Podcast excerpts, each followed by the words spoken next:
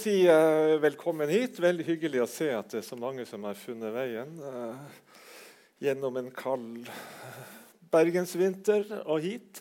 Dette er, så vidt jeg skjønner, da, første etappe av en dannelsesreise som skal gå her på biblioteket. Jeg tipper at det er flere som skal inn etter hvert, men jeg kommer tilbake igjen i april en gang, tror jeg, for å snakke om Dante og den guddommelige komedie. Så da vil, kan de som vil, få vite både hvorfor det heter komedie, og hvorfor den kalles for guddommelig. Det er mange linker mellom Homer, Odysseen, og Dante, den guddommelige komedie, men eh, de kan vi også parkere og komme tilbake til dem neste gang. Eh, det er jo en dannelsesreise vi skal legge ut på.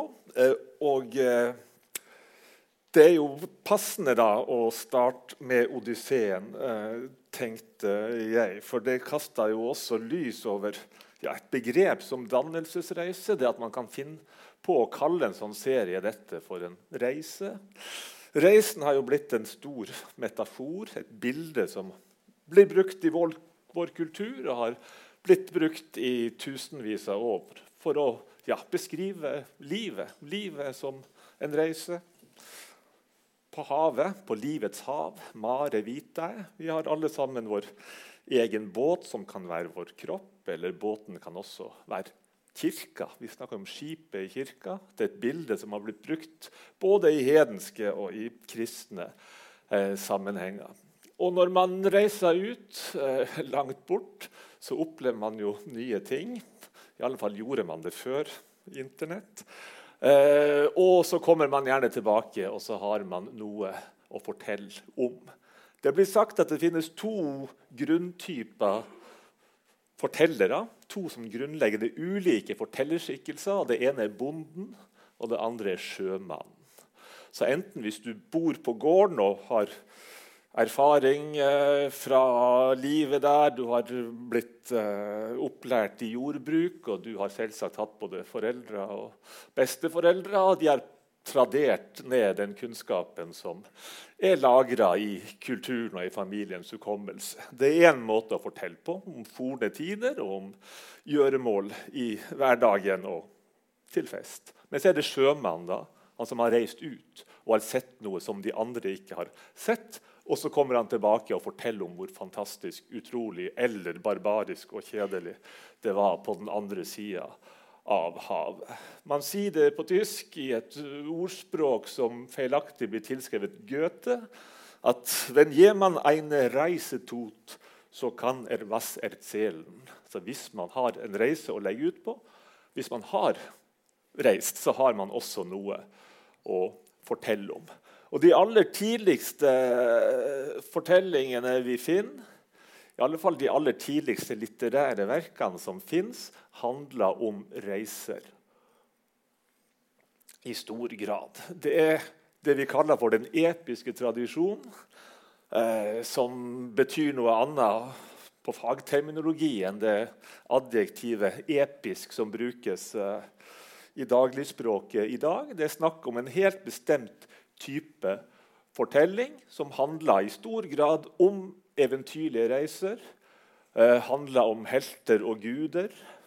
Som handla om eh, grunnleggende spørsmål om hvem vi er, og hvor vi kommer fra. Og hvordan har vår eh, kultur blitt sånn som den har blitt? Hvordan ble vi et folk? Hvordan ble vi en nasjon? Man snakker jo gjerne om nasjonalepos også. Og I en viss forstand så er alle epos nasjonalepos. De går langt tilbake i historien. Eh, vi kunne ha begynt eh, i Mesopotamia eh, ca. år 2000 før Kristus med det første overleverte store eposet Gilgamesh, som ja,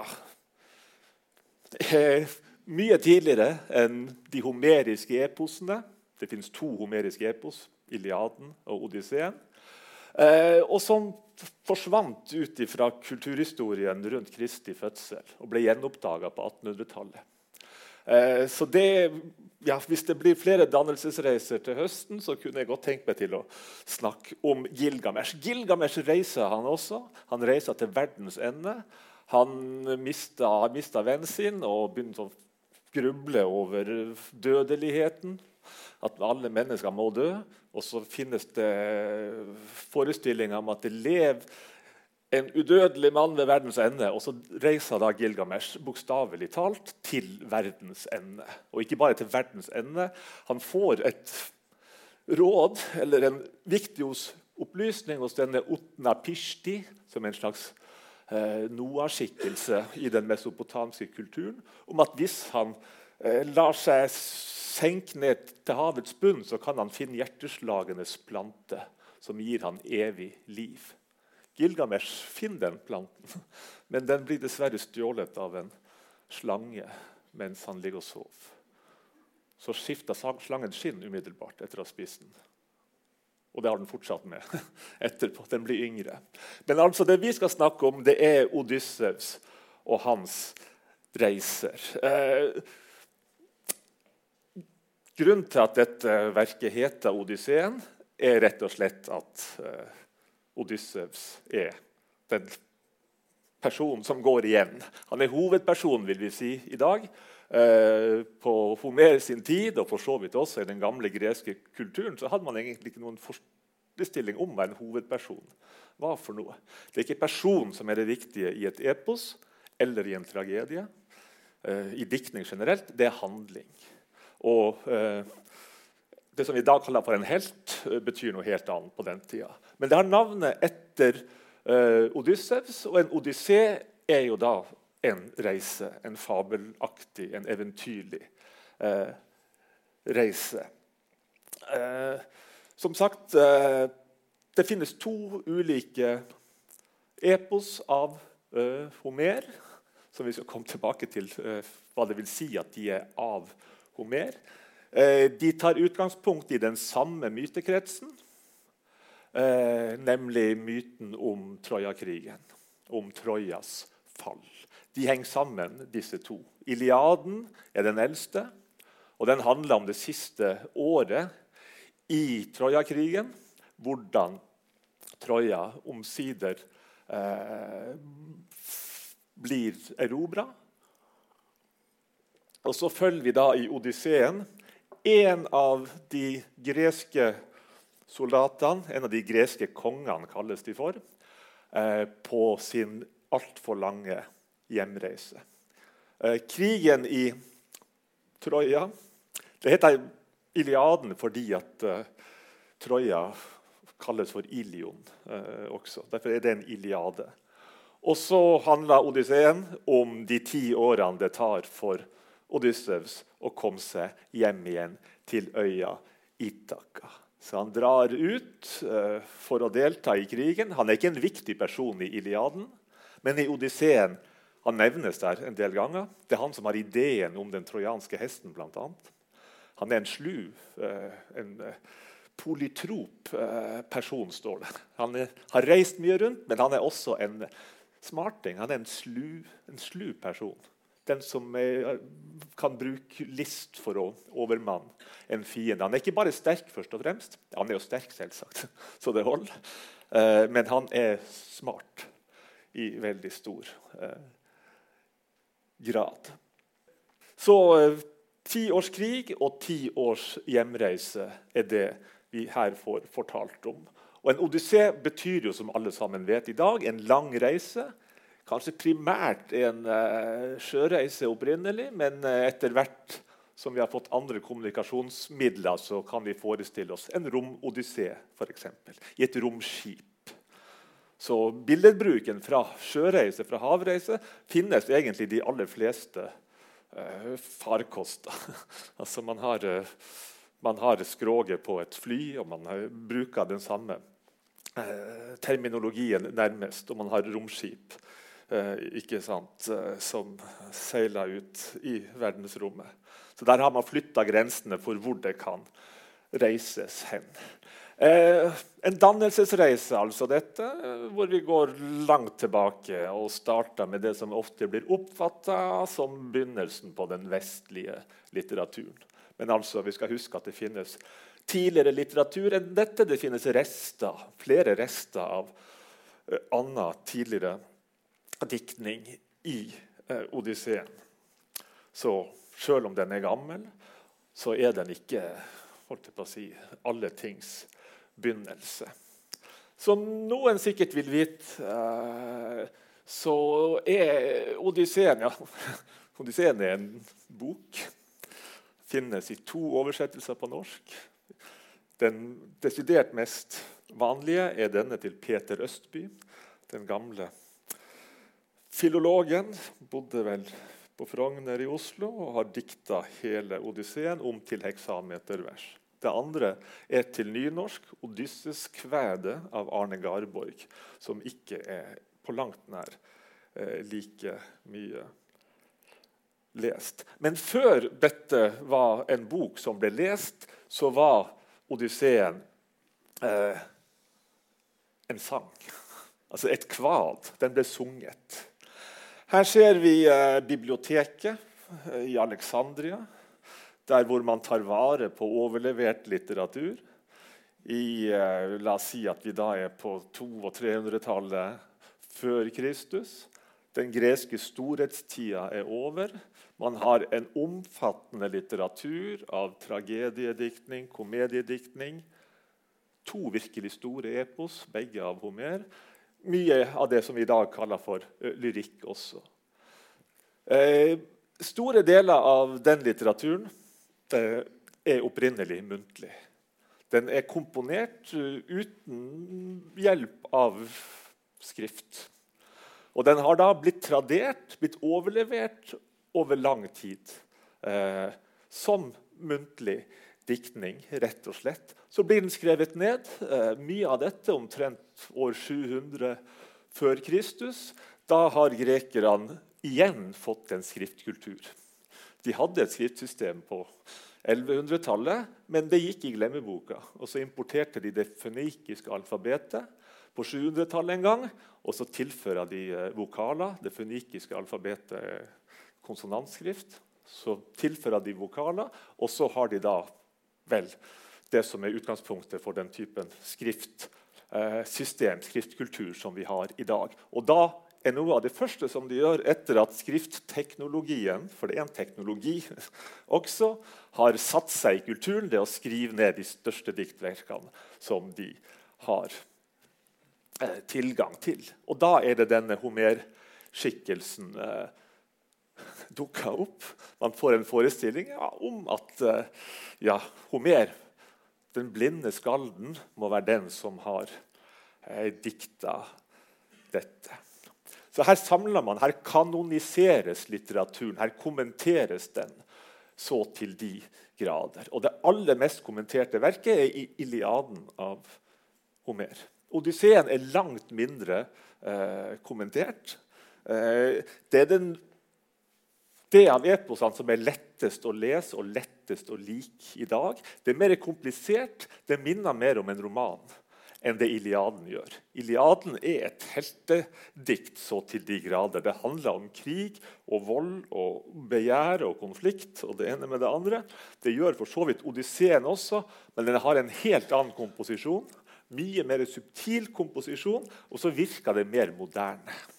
Altså Odyssevs, selv om språket til Peter Østby kan virke nokså arkaisk riksmålsaktig, så er Homer, har Homer dikta en nokså moderne person i Odyssevs. Eh, som er atypisk på mange måter. For det som Odyssevs vil, det er jo ikke å slåss og krige, sånn som man gjør i Iliaden i forbindelse med Trojakrigen. Men han vil hjem. Og han eh, flakker jo rundt omkring, og han er sulten, og han kler seg om som tigger, han blir hunsa og plaga osv. Alt dette er ting som man ikke forbinder med mannsmot. Aristeia, som det kalles. Krigersk mannsmot. Så han er også en ny eh, figur En ny litterær figur, kunne vi si, men også en ny kulturell figur. Han skal hjem til kona si. Altså, det minner litt om en altså, Det ble oppfatta delvis som damelektyre. Eh, og for så vidt i en viss forstand så var det også odiøst eh, oppfatta. Altså, den var ikke like anerkjent. Men altså, den ble framført, den ble sunget av en skall.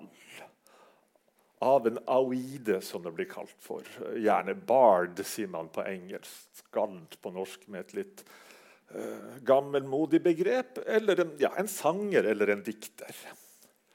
Eh, her ser vi eh, en kjent scene fra Odysseen eh, som er ca. midt inne i eh, verket, midt inne i Odyssevs eh, hjemreise. Der ser vi Han er hos fajakerne på øya Sheria, en sånn fiktiv, halvveis utopisk øy, hvor han havna på hjemreisen like før han kommer tilbake til Itaka. Og Der er det en lengre sekvens. Eh, hvor vi får beskrevet hvordan en sanger, hvordan en skal, framførte sine dikt for en forsamling. Han, eh, her ser vi Odyssevs. Han sitter og gråter etter hvert. Og det er fordi at noe av det som denne skallen Demodokos synger om, er nettopp Trojakrigen. Som han sjøl har eh, deltatt i og kommet tilbake fra. Og da, ja, Vi får beskrevet uh, Demodokus som en blind mann.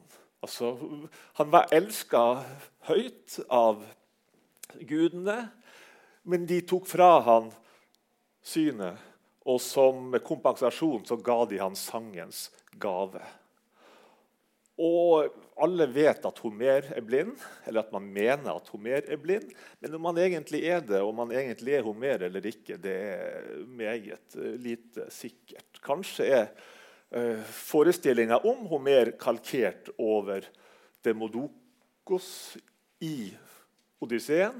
Og så finnes det jo også en egen forestilling om at hvis du ikke har synets gave, så, kan du på en måte, så blir du ikke distrahert av ting som er like foran deg, og hverdagslige, litt banale gjøremål. Da kan du se andre ting. Du kan minnes, du har kanskje bedre kontakt med musene.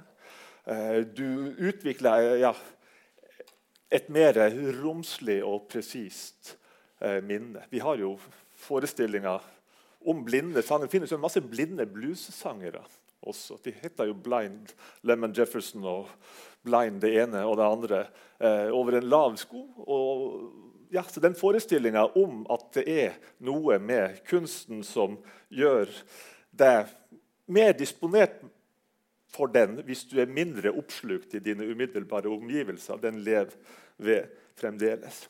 Det som vi også ser eh, i de neste sangene av Odysseen, det er at eh, Demodokus synger altså om Trojakrigen. Men når de ser reaksjonen til Odyssev, så ber de han om å synge om noe annet istedenfor. Da får vi noen komiske innslag her om eh, ja, rivalisering og litt lav eh, komikk.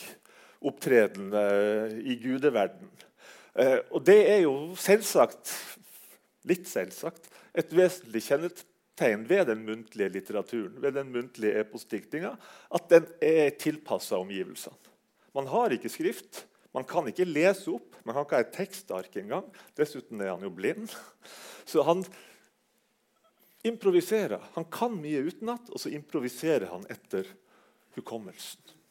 Og Det er jo en helt utrolig, nesten utenkelig teknikk, men det er, det er mulig. Eh, selvsagt. Det har vært mulig, og man ser veldig mange trekk i Odysseen og i Iliaden også, eh, som minner oss på, som viser at dette verket her, det er muntlig Eh, komponert. Eh, det er veldig mange gjentagelser. Det er veldig mange formelaktige vers. Noen passasjer blir gjentatt identisk flere ganger. Så har vi eh, mange såkalte epiteter. Den rådsnare helt Odyssevs bl.a., som allerede er ferdige byggeklosser som bare kan puttes inn eh, i diktet, som eh, gjør at eh, sangeren kan se framover, konsentrere seg om litt andre ting eh, enn det som han eh, ja, synger om akkurat da. Og mye av det som skjer i eh, eposene, og særlig i Odysseen, er altså, situasjoner gjentar seg. Hvis du er ute og reiser, så kommer du ofte til et nytt sted. Da kan du beskrive på lignende måte hvordan du går i land av båten, og hvordan du blir tatt imot. Eh, noen ganger så går det jo veldig bra. Vi får beskrevet måltider, eh, gaveutveksling osv. Så, videre. så der er det også byggeklosser som kan endres litt på og puttes inn på ulike steder. Og så kan da dikteren se framover og lure på hvilken vri han skal gjøre på de kjente hendelsene. Eh, for det kjennetegner også eposet som diktning. Eh, ikke bare er det en blanding av improvisasjon og eh, hukommelse. Det er også en kjent historie som blir fortalt. Altså når dere ja, sikkert en del her som har lest hele Odysseen, men alle kjenner til historien i grove trekk, men selvsagt ikke på langt nær så godt som man gjorde i Homer sin samtid. Eh, man hadde en helt annen oversikt, en helt annen kontroll på det mytologiske apparatet, på gudeverden, og man visste hva som skjedde. Eh, man kjente til Trojakrigen, eh, både fra diktning og fra andre kulturer uttrykk og navnebruk osv. Så, det, så det som blir sunget, er også noe som alle sammen vet. Altså, de vet åssen det går. Så du kan ikke være en original dikter og, og dikte opp en ny slutt på Odysseen. Og finne ut at det er Odyssev som blir drept, og ikke alle de frekke beilerne. Men du kan snu og vri og vende litt på ting. Eh, vektlegg snart den ene tingen snart den andre. Se ting fra ulike perspektiv. Og ja, vel å dvele ved ulike episoder i det som er hovedhandlinga. Og det ser vi altså hvordan det skjer her. Og det skjer flere andre ganger i Odysseen. Fordi det er, det er, mange passasjer der som er fortalt av andre enn skalden sjøl. Homer, han som starta med Sangmø, forteller om hin rådsnare helt osv. Det er mange av de handlende personene som også forteller sin historie. Det gjelder så mange at vi skal ikke ramse eh, dem opp. Men den viktigste er Odyssevs sjøl. For han starta eh, midt i Odysseen, litt før midten, med å fortelle etter han har avslørt hvem han er. For det tar en god stund før han gjør det. Så forteller han sjøl eh, til forsamlinga på øya Sheria kongen, dronninga, den vakre prinsessen Nevsika og Nei, Nevsika er vel kanskje ikke der. For det er litt uh, så Ofte så er ikke damer inkludert blant publikum, men denne eh, scenen på Sheria hos fajakene den utmerker seg ved at dronninga får være til stede. Arete heter hun. Eh, og hun griper inn og kommenterer av og til. Uh, mens Odyssevs synger. Men da blir hun uh, satt litt på plass av uh, den eldste i forsamlinga om at det sømmer seg kongen og ikke dronninga, og gi en vurdering av uh, fremførelsen til Odyssevs. Men da sier de også at Odyssevs har fremført sin historie som om han var den største skall. Så Odyssevs er det som vi kaller for hovedperson eller protagonist, men han er også forteller. Og Det er jo et, det er et av veldig mange finurlige grep i Odysseen.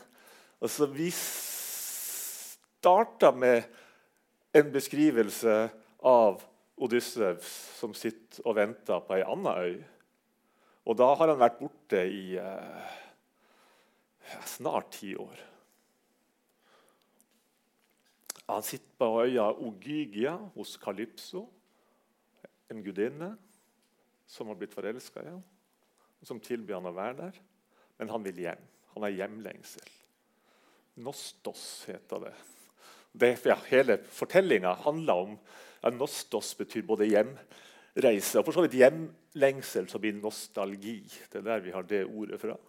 Eh, og så klippes det litt fram og tilbake med det som skjer hjemme på Odyssev sin egen øy. Men i femte sang så får Odyssevs lov omsider å dra ifra øya Sheria. Selv om Kalypso ikke liker det i det hele tatt. Men da blir han overmanna av uvær, og så havner han på øya Sheria. Omsider, ved et nødskrik. Eh, så da har, visst, da har, vi fått vite hva som skjedde fra han dro fra Kalypso på øya Ogygia og til han kom til fajakene på øya Sherie. Og så får vi vite hvordan han blir tatt imot der. Og så får vi høre enda litt mer om Troja-krigen. Men så overtar Odyssevs, og da forteller han oss også alt det vi ikke vet om det som skjedde fra Troja-krigen var slutt, og til de skulle reise. Uh, og på hele reisen fram til han havna på øya Ogygia hos, hos Kalypso. Så det, ja, så det man kan kalle det for moderne. Det er i alle fall en avansert komposisjonsteknikk. Dette. Og etter at Odyssevs er ferdig med å fortelle oss indirekte og eh, hoffet på øya Sheria hos fajakerne, så får vi beskrevet hvordan Odyssevs kommer seg hjem til sin egen øy. og så Eh, er resten av handlinga lagt nettopp til øya Itaka. Men det, jeg skulle spole litt tilbake. Vi kommer, uh, skal gå litt dypere inn i denne materien. Men vi hadde et bilde her av noe som skulle ha vært Homer. Han har laurbærblad. Han er en laurbærbekranset dikter, den største av dem alle. Og han er blind. Det er det vi kan se av det bildet. Det finnes, også, det finnes en del statuer av Homer. Men eh, alle Homer-statuene som er overlevert, de er atskillig yngre enn Homer eh, sjøl.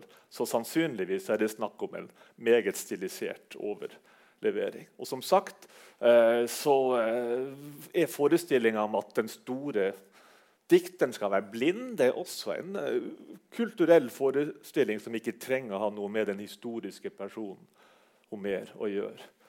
Mange byer i det som nå er Hellas, har slåss om å få tittelen som Homers hjemby, bl.a. basert på en del såkalte Homer-biografier. Men det er mange hundre år siden at man slutta å legge noe vekt på disse Homer-biografiene. Det er rent eh, oppspinn eh, fra middelalderen eh, og har ingenting med det som vi i dag vil forvente av en biografi. Som sagt, Vi vet ikke engang om Homer har levd, om han har eksistert. Vi vet ikke om Odysseen er laga av én person eller av flere. Vi vet ikke om Iliaden og Odysseen er skrevet av samme forfatter. De er ikke skrevet eller komponert av samme forfatter. Eh, vi vet egentlig ingenting annet enn det som kulturen vil ha oss til å tro, at Homer var blind, og at han var den virkelig store sangeren. Jeg nevnte litt dette med komposisjonsteknikk. Altså bare det å prøve å få en begrep om hvordan man dikta når man ikke kunne skrive. Eh, her er ett eksempel eh, på det som jeg nevnte. at eh, noen passasjer allerede er ferdig forma, og de kan gjentas ordrett. Jeg har ikke sagt det, men dere har kanskje hørt om heksametervers. Det er det som er det store, episke versemålet. Da snakker vi ja, metrikk. Eh, da snakker vi hmm? Ja, det er mange daktyler. Mest daktyler, men ikke bare daktyler. Men det er heksameter vers fordi det er seks, seks verseføtter i hver linje. Og det er et subtilt, finurlig, ganske avansert system. Det er klart at Man skal improvisere sånn som jeg gjør litt nå, er jo ikke så veldig vanskelig. Jeg trenger ikke å improvisere på bakgrunn av uh, verken uh, rim eller rytme. Det er jo ikke rim i Odysseen. Da. Men uh, likevel uh, kan forholde meg nokså fritt til det norske språk. Men altså hele Odysseen og hele Iliaden er på et temmelig avansert versemål. Og da er det jo også, så det, det, er, det, gjør det vanskeligere i en viss forstand, men det gjør det også lettere. For det er lettere å huske det som er metrisk, det som har en jevn rytme, det som har en fast rytme. Og så er det da eh, også litt lettere å improvisere fordi at du kan ha disse byggeklossene som jeg snakka om. At du, vet, du har ting som skjer flere ganger, fortelles også flere ganger. Eh, når noen skal si noe, f.eks., så, så vet du alltid må du si hvem som sier noe. Og så har du navnet på en person passa til det adjektivet, som blir en epitet. Og så står det jo at så sa den, eh, den rådsnare helt Odyssevs, f.eks. Den typen formuleringer, den typen verslinjer, både hele og halve byggeklossvers, finnes det veldig mange av.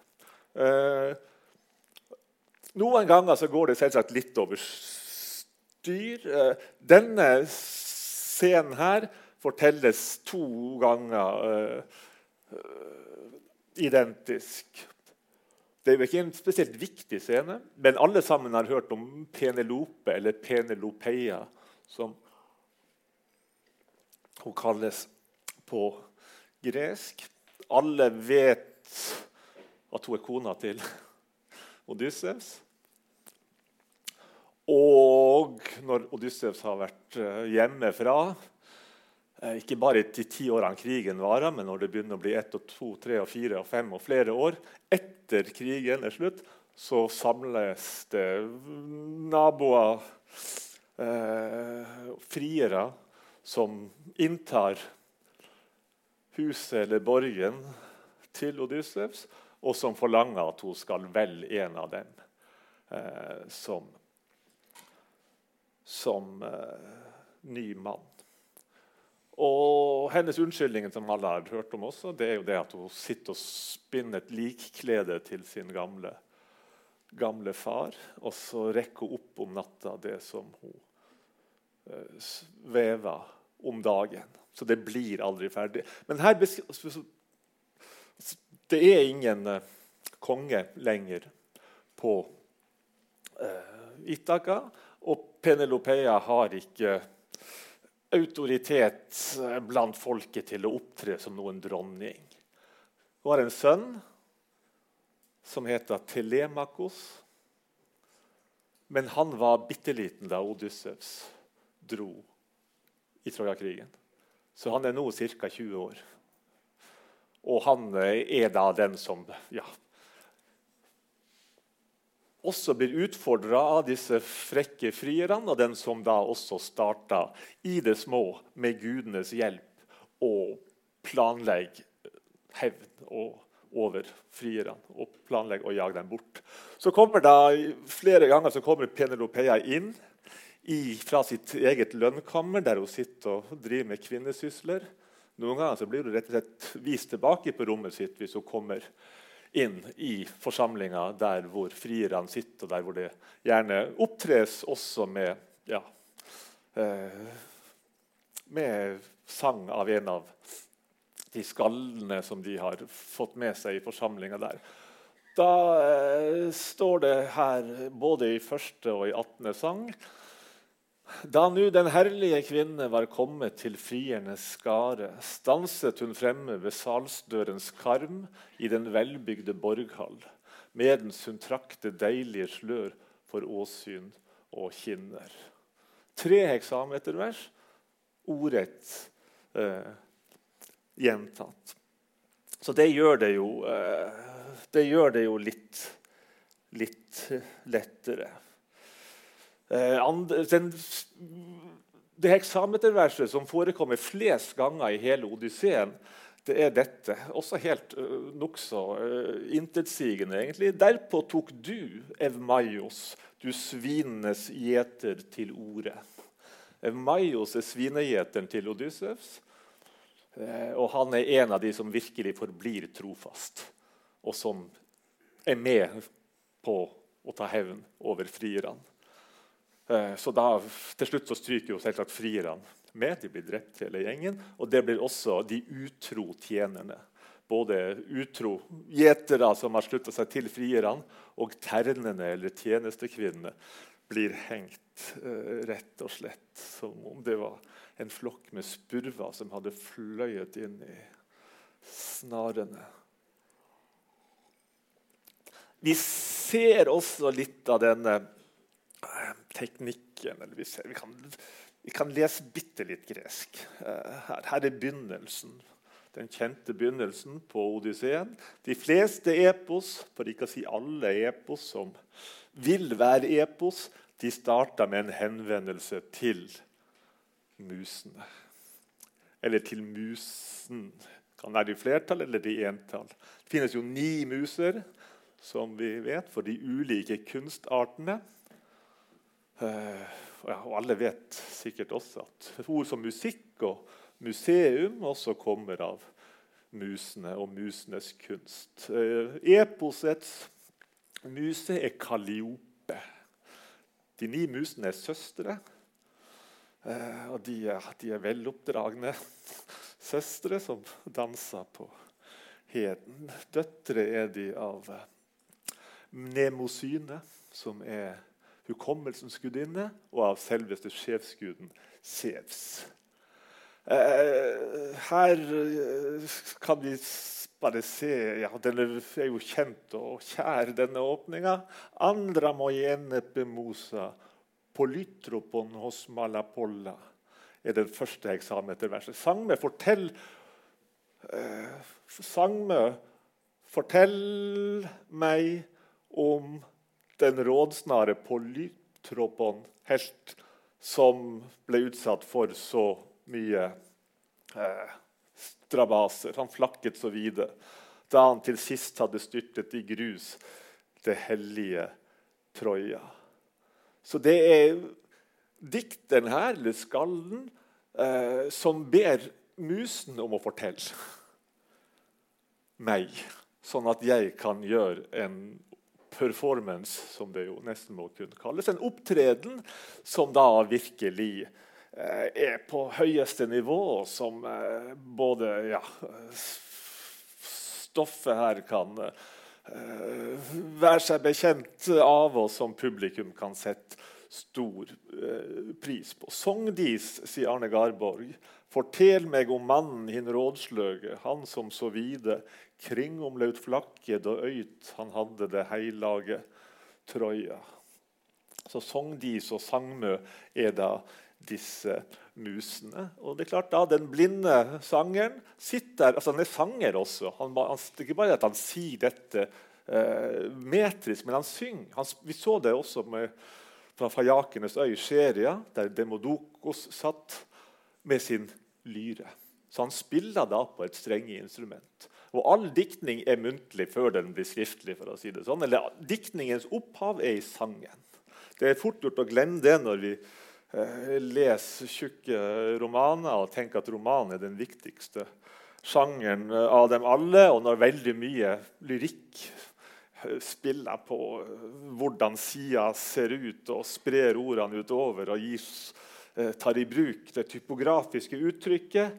Men diktningens opphav er sang. Og så fikk jo da også omsider en eh, sanger Nobelprisen i litteratur for eh, tre år siden. Er helt uh, betimelig.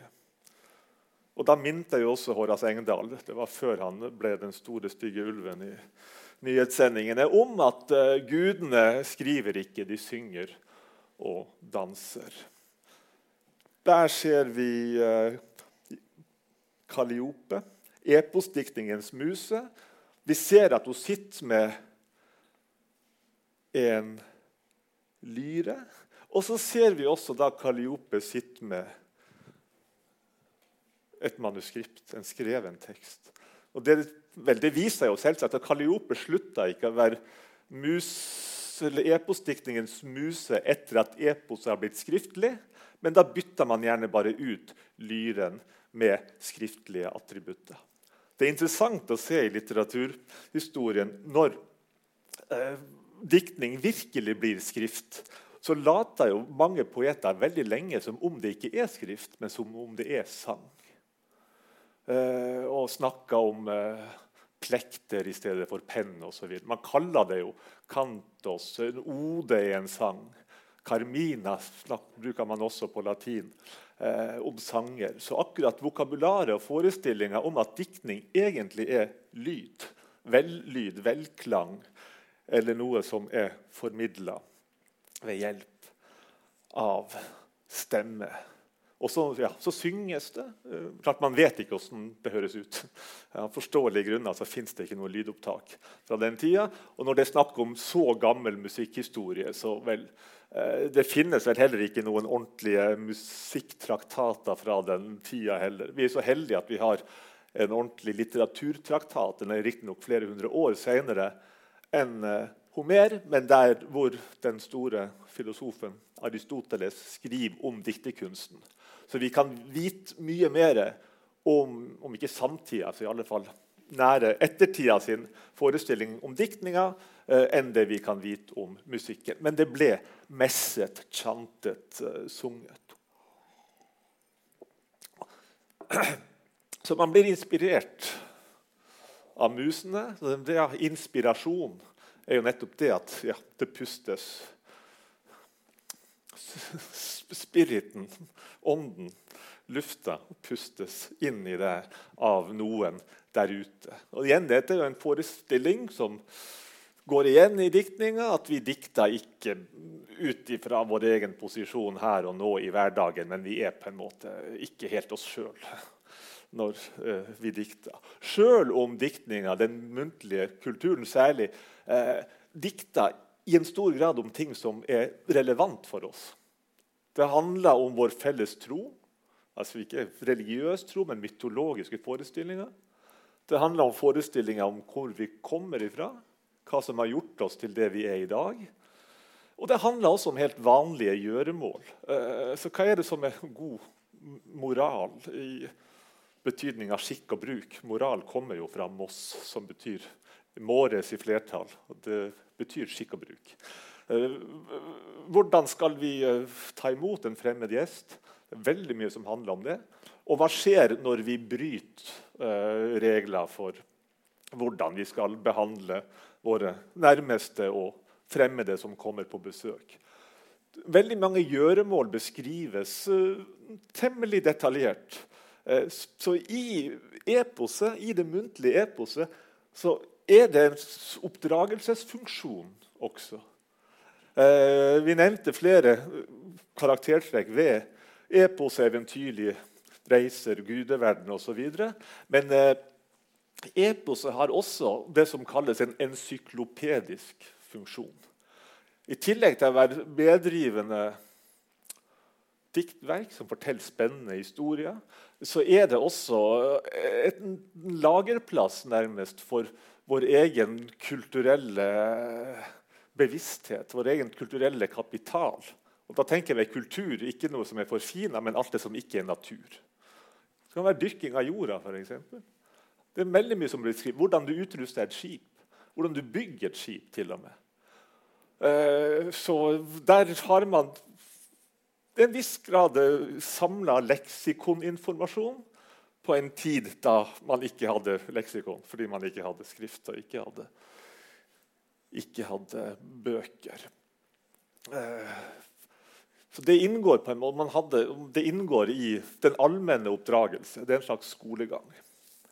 Eh, denne dikterkunsten er det altså musene, og særlig Kalliope, som eh, representerer, som inspirerer. Men det finnes også noen andre musikalske guddommelige skikkelser som dukker opp på et kjent sted, vel tolvte sang i Odysseen.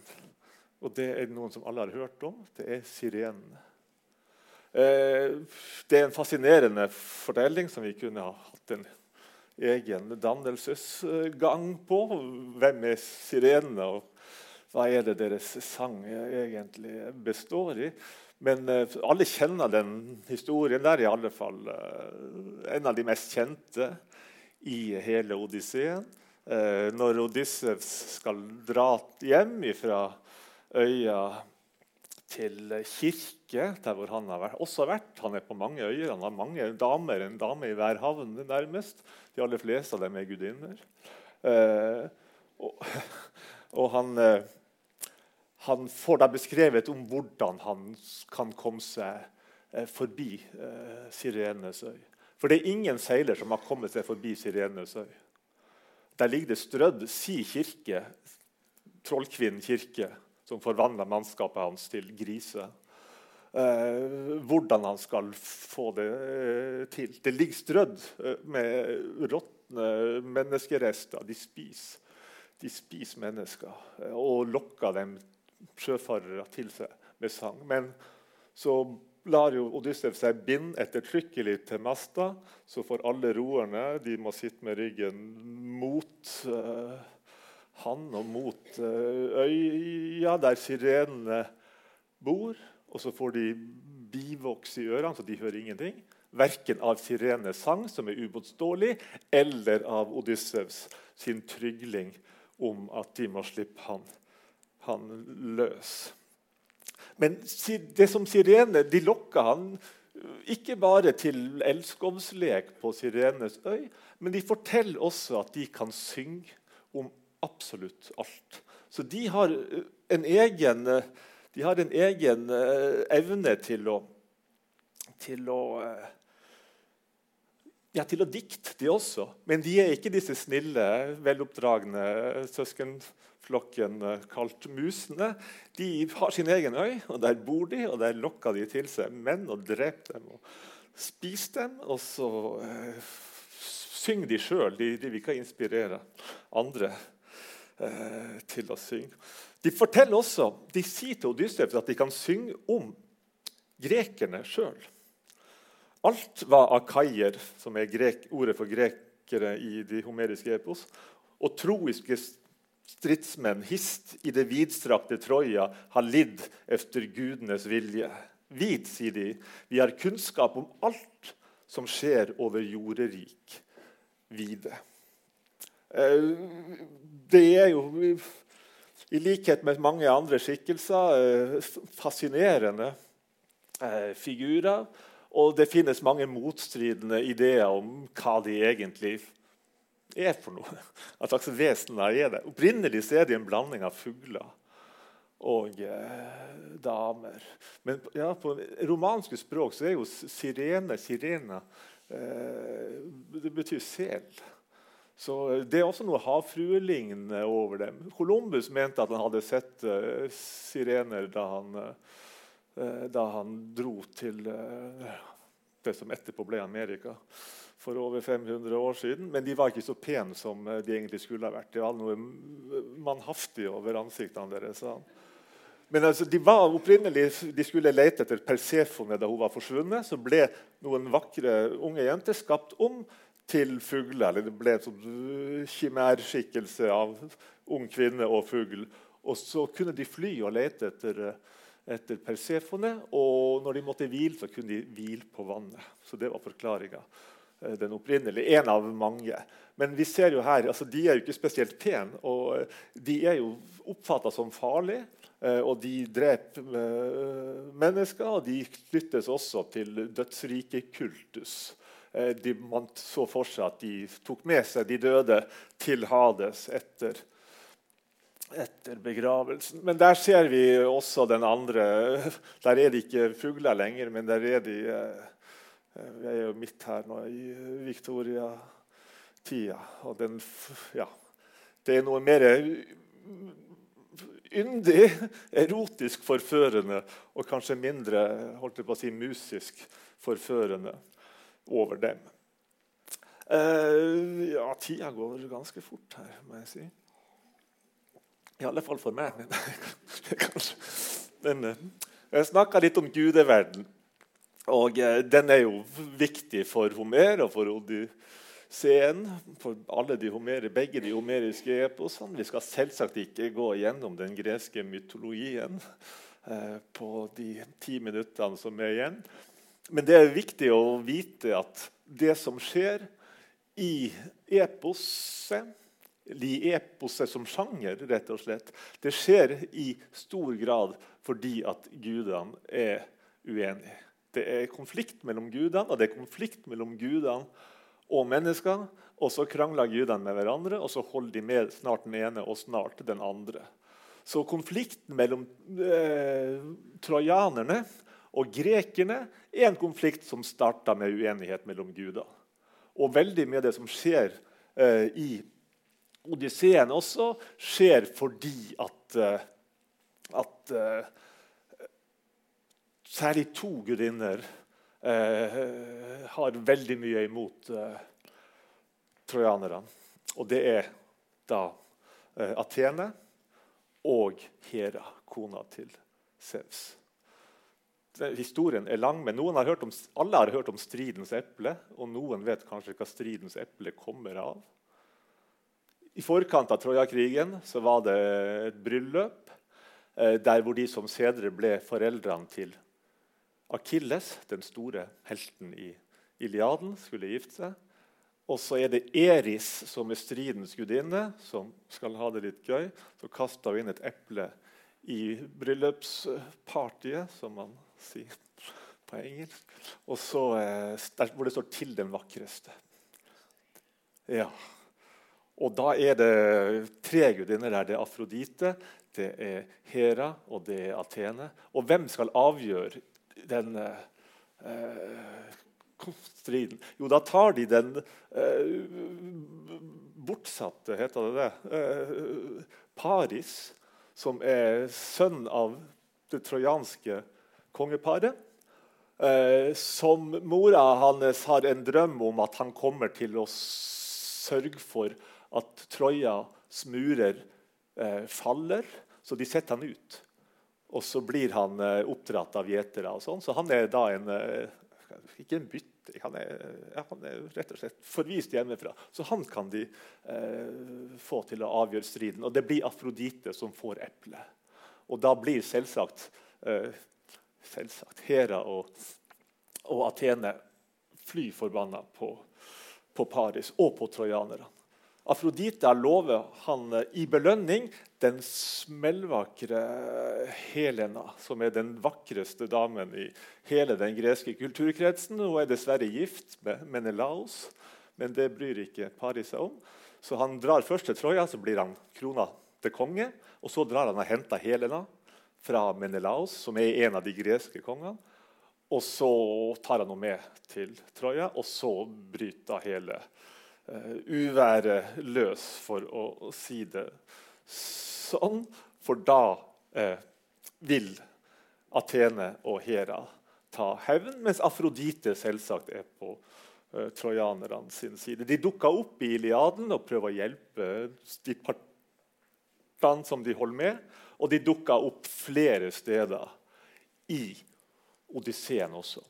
Når Odyssevs får lov til å dra hjem ifra Kalypso på øya der han er holdt som sexslave, holdt jeg på å si, et erotisk fangenskap, så er det fordi at Atene snakka med sin far Sevs og sier vel, nå har, nå har nå vel eh, Odyssevs sittet her eh, lenge eh, nok. Og så har det seg også sånn at Poseidon det blir mange detaljer av dette, heldigvis er borte. Han er i Etiopia og blir hylla av eh, afrikanerne, som har han som gud. For Poseidon er også eh, opprinnelig fiende av trojanerne. For Han hjalp dem å bygge den uinntagelige borgen, men så fikk han ingen offergave som takk, og så ble han eh, også fly forbanna på dem. Men i ettertid så har Poseidon eh, lagt Odyssevs for hat. Så Eh, Poseidon vil ikke at Odyssevs skal komme tilbake. Man benytter sjansen når Odyssevs er i Afrika. Men kommer, uh, unnskyld, mens uh, Poseidon er i Afrika, havguden Poseidon, uh, og så kommer han tilbake mens Odyssevs driver og seiler bort fra Kalypsos øy. Og det ser Poseidon, og så slipper han uværet løs. Sånn at Odyssevs forlis og havner da som sagt på Fajakernes, på Fajakernes øy. Eh, det er klart, Dette her er bare å skrape litt i overflaten, men det står også ettertrykkelig at uh, gudene spinner sine renker, står det i åttende sang, tror jeg, Odysseen, for at dikterne skal ha noe å synge om. Så Det som skjer på jorda, skjer fordi at gudene har, har lagt planer delvis. De er uenige med hverandre. Gudene er veldig menneskelige i en viss forstand i uh, de homeriske eposene. i alle fall. Og så er det krig og strabaser av ulike slag som det er meninga man skal uh, synge om. Men jeg nevnte også det i sted at sjøl selv om det er mye her som foregår oppe i himmelen, og selv om gudene kommer ned flyvende som om de var fugler, forsvinner igjen, så handler veldig mye om dagligdagse gjøremål. Og I en viss forstand så eh, kan man si at Odysseen er bygd opp på denne måten. Det er en interessant detalj som, eh, som jeg syns er interessant. Eh, og det er klart Sentrum i vår kulturelle identitet, for å bruke et litt jålete uttrykk, er jo mat spisevaner. Hva spiser vi, og hva spiser vi ikke? Hvordan lager vi til maten? Alle sammen vet jo det at det vi liker minst med naboen, det er lukta av maten hans. Uh, ja, men ikke sant? Uh, og i Kina spiser de huden osv. Så, videre. så vi har, alle, vi har fisk og ufisk. Uh, noen ting spiser vi ganske enkelt ikke. Og det er ikke bare fordi at det er ernæringsspørsmål. Det har med det systemet som vi lager ut av det som vi kan putte i oss for å få næring av det som finnes eh, der ute. Eh, og I Odysseen eh, så vises det veldig klart og tydelig til eh, den greske kulturen som en kultur av brødspisere. Altså, de spiser brød.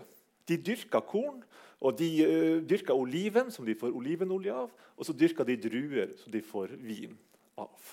Det er middelhavsdietten.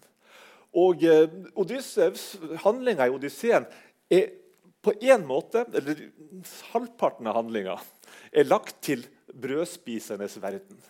Der er det Sevs som er hovedguden. Han har et system over dette. Man har eh, innstifta en sivilisasjon der etter at eh, Sevs og hans søsken tok livet av faren sin, Saturn kastrerte han og forviste han til Italia. Eh, så innfører man eh, sivilisasjon. Eh, og der ja, har man regler for hvordan man kultiverer naturen. Altså man dyrker, altså Kultur har jo med det å dyrke å gjøre. Vi er ikke bare natur, vi er veldig lite natur etter hvert. Og det som gjør oss forskjellige fra naturen, er kulturen. Måten vi prøver å kontrollere og systematisere og utnytte naturen på. Men så, på ett punkt på hjemreisen i Odysseen, på Odysseus sin odyssé, så vippes vi ut av dette kjente kulturelle Sevs-universet. Og Da er vi ute på åpent hav. Der er det ikke Sevs som bestemmer. Der dyrker man ikke jorda. Det er Poseidon, det er kaoskreftene, det er havet, det er guder, det er dyr som regjerer der. Og det er, det er, mer enn eh, påfallende. Eh, der spiser man ikke brød. Der spiser man merkelige ting. Noen av de første de kommer til, eh, er lotusspiserne, som har funnet en udødelig urt som de lever av, og som grekerne har lyst til å smake på det også, men de må rive seg bort derifra, for du blir avhengig av dem. Og de skal jo hjem. Så kommer de etterpå til laistrygonerne, og de er kannibaler. Altså, de dyrker ikke jorda, de spiser ikke mat. De spiser den tingen som du i hvert fall ikke skal spise, og det er andre mennesker. Og det gjør de i stor grad også. Alle har hørt om kyklopen polyfemos, som egentlig er en gjeter, en fårehyrde. Men han spiser ikke brød, han heller. Kjempestor er han av vekst. Et under å skue. Han lignet ikke en mann som lever av brød, men en fjelltopp som skogkledd hever seg oppover åsenes rygg og ses så vide. Så han ser ut som om han er natur og ikke kultur. han. Og Alle sammen vet jo at han tar Odyssev og mannskapet til fange. Og så skal han spise dem. Han spiser jo noen. Men så finner de på den smarte tingen og varm denne trestokken som ligger i grua, og gjør den rødglødende og stikker ut det ene øyet som han har. Derfor han er kyklop. Kyklop og encyklopedi er faktisk eh, samme ord. Kyklos, sirkel, runding. Han har ett stort øye. Så, eh, ja, så der, han spiser mennesker.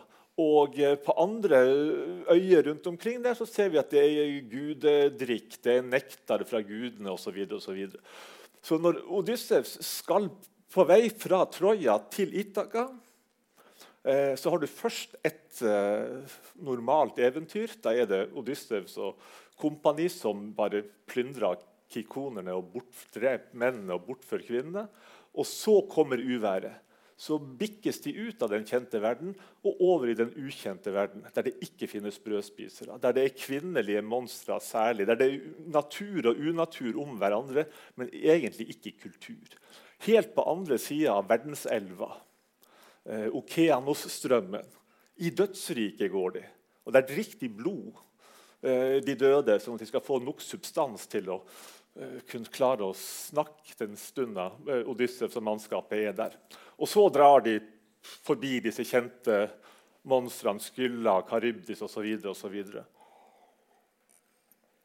og da er vi på en måte ute av den kjente verden og over i det ukjente. Og Derfor er det jo også egentlig helt latterlig å sånn, tegne et kart over Odyssevs sine reiser og påstå at han kom opp i Finskebukta osv. For det gjorde han jo aldri. selvsagt. Ikke bare fordi at dette er diktning, men også fordi at eh, etter Troja-krigen så bikkes vi over i et annet univers. Troja er en historisk by. Eh, Troja-krigen fant sannsynlig sted på 1100-tallet før Kristus. Men det er klart kirke og kalypso, Skylla, Karibdis og Sirene kan ikke plottes inn i det samme universet. Så to univers egentlig her. Ja, jeg kunne ha snakka en god del mer, men jeg tror jeg rett og slett bare skal runde av. Der ser vi Odysseus hos Kalypso. Det ene starter med at han sitter og furter. Egentlig, Han vil hjem, han lengter hjem. rett og slett. Men uh, alle sammen skjønner jo at du kan ikke skrive et epos om en uh, helt som sitter og furter på stranda i over uh, 24 sanger. Så det må jo skje noe. da. Og heldigvis så skjer det noe oppe i himmelen. Da, det, der skal dere få slippe. Aristoteles sitt flotte resymé av Odysseen. Jeg skal bare nevne en gang til til slutt Telemakos knytt tilbake til dannelsesreisen. Uh, en odyssé er jo egentlig ikke en dannelsesreise, det er et eventyr. Men odysseen av Homer består egentlig av to fortellinger. Så, helt, så De møtes uh, etter midten. Men når det starta Her ser vi Odyssevs. Uh, så er jo Odysseus han er så langt hjemmefra som han noensinne har vært. Men de driver veksler mellom Odyssevs siste etappe av Odyssevs hjemreise til kaoset på øya Itaka, og hans sønn eh, Telemakos, som er i ferd med å bli mann, som er i ferd med å stå opp og, og reise seg mot de frekke frierne. Så når Odysseus er på vei hjem igjen, så drar Telemakos ut. Så egentlig så har vi både en telemaki, som det kalles for, og en odyssé. Når Odysseus starter virkelig å reise hjem, så drar Telemakos ut for å høre nytt om sin far, om han er i live. Og Så får han høre en del om Odysseus fra ulike folk, grekere, Sparta og Pylos. Og så drar han hjem igjen. Så slipper han unna bakholdsangrepet til frierne, som ikke visste at han hadde reist ut. Og så møter han da etter hvert uh, Odysseus. Odysseus, Når han kommer tilbake igjen, så er han alene. Han har mista tolv skip og alt mannskapet. For han må jo komme hjem alene. Du kan ikke komme hjem og leve deg som tigger og ta livet av frierne hvis du har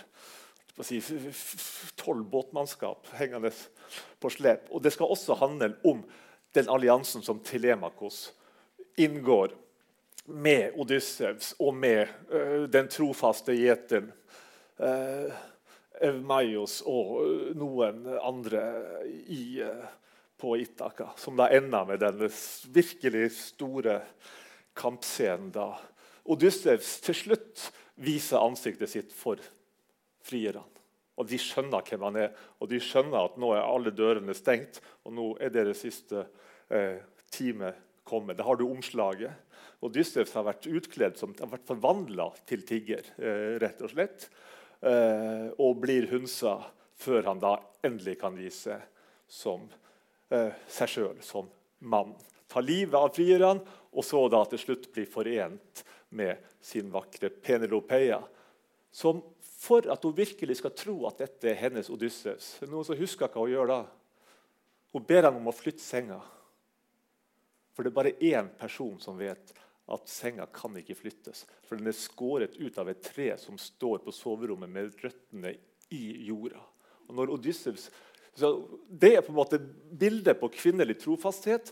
Odysseus har vært ute i 20 år og tatt en lang omvei og drevet og hatt seg med gudinner og monstre og røva og plyndra det ene med det andre. Men hun har sittet der og venta og venta og venta. Og så har vi da den senga, som er bildet på ja, den ekteskapelige kjærligheten. Så det får være ja, avslutningsmoralen her. Eh, akkurat. Så, ja.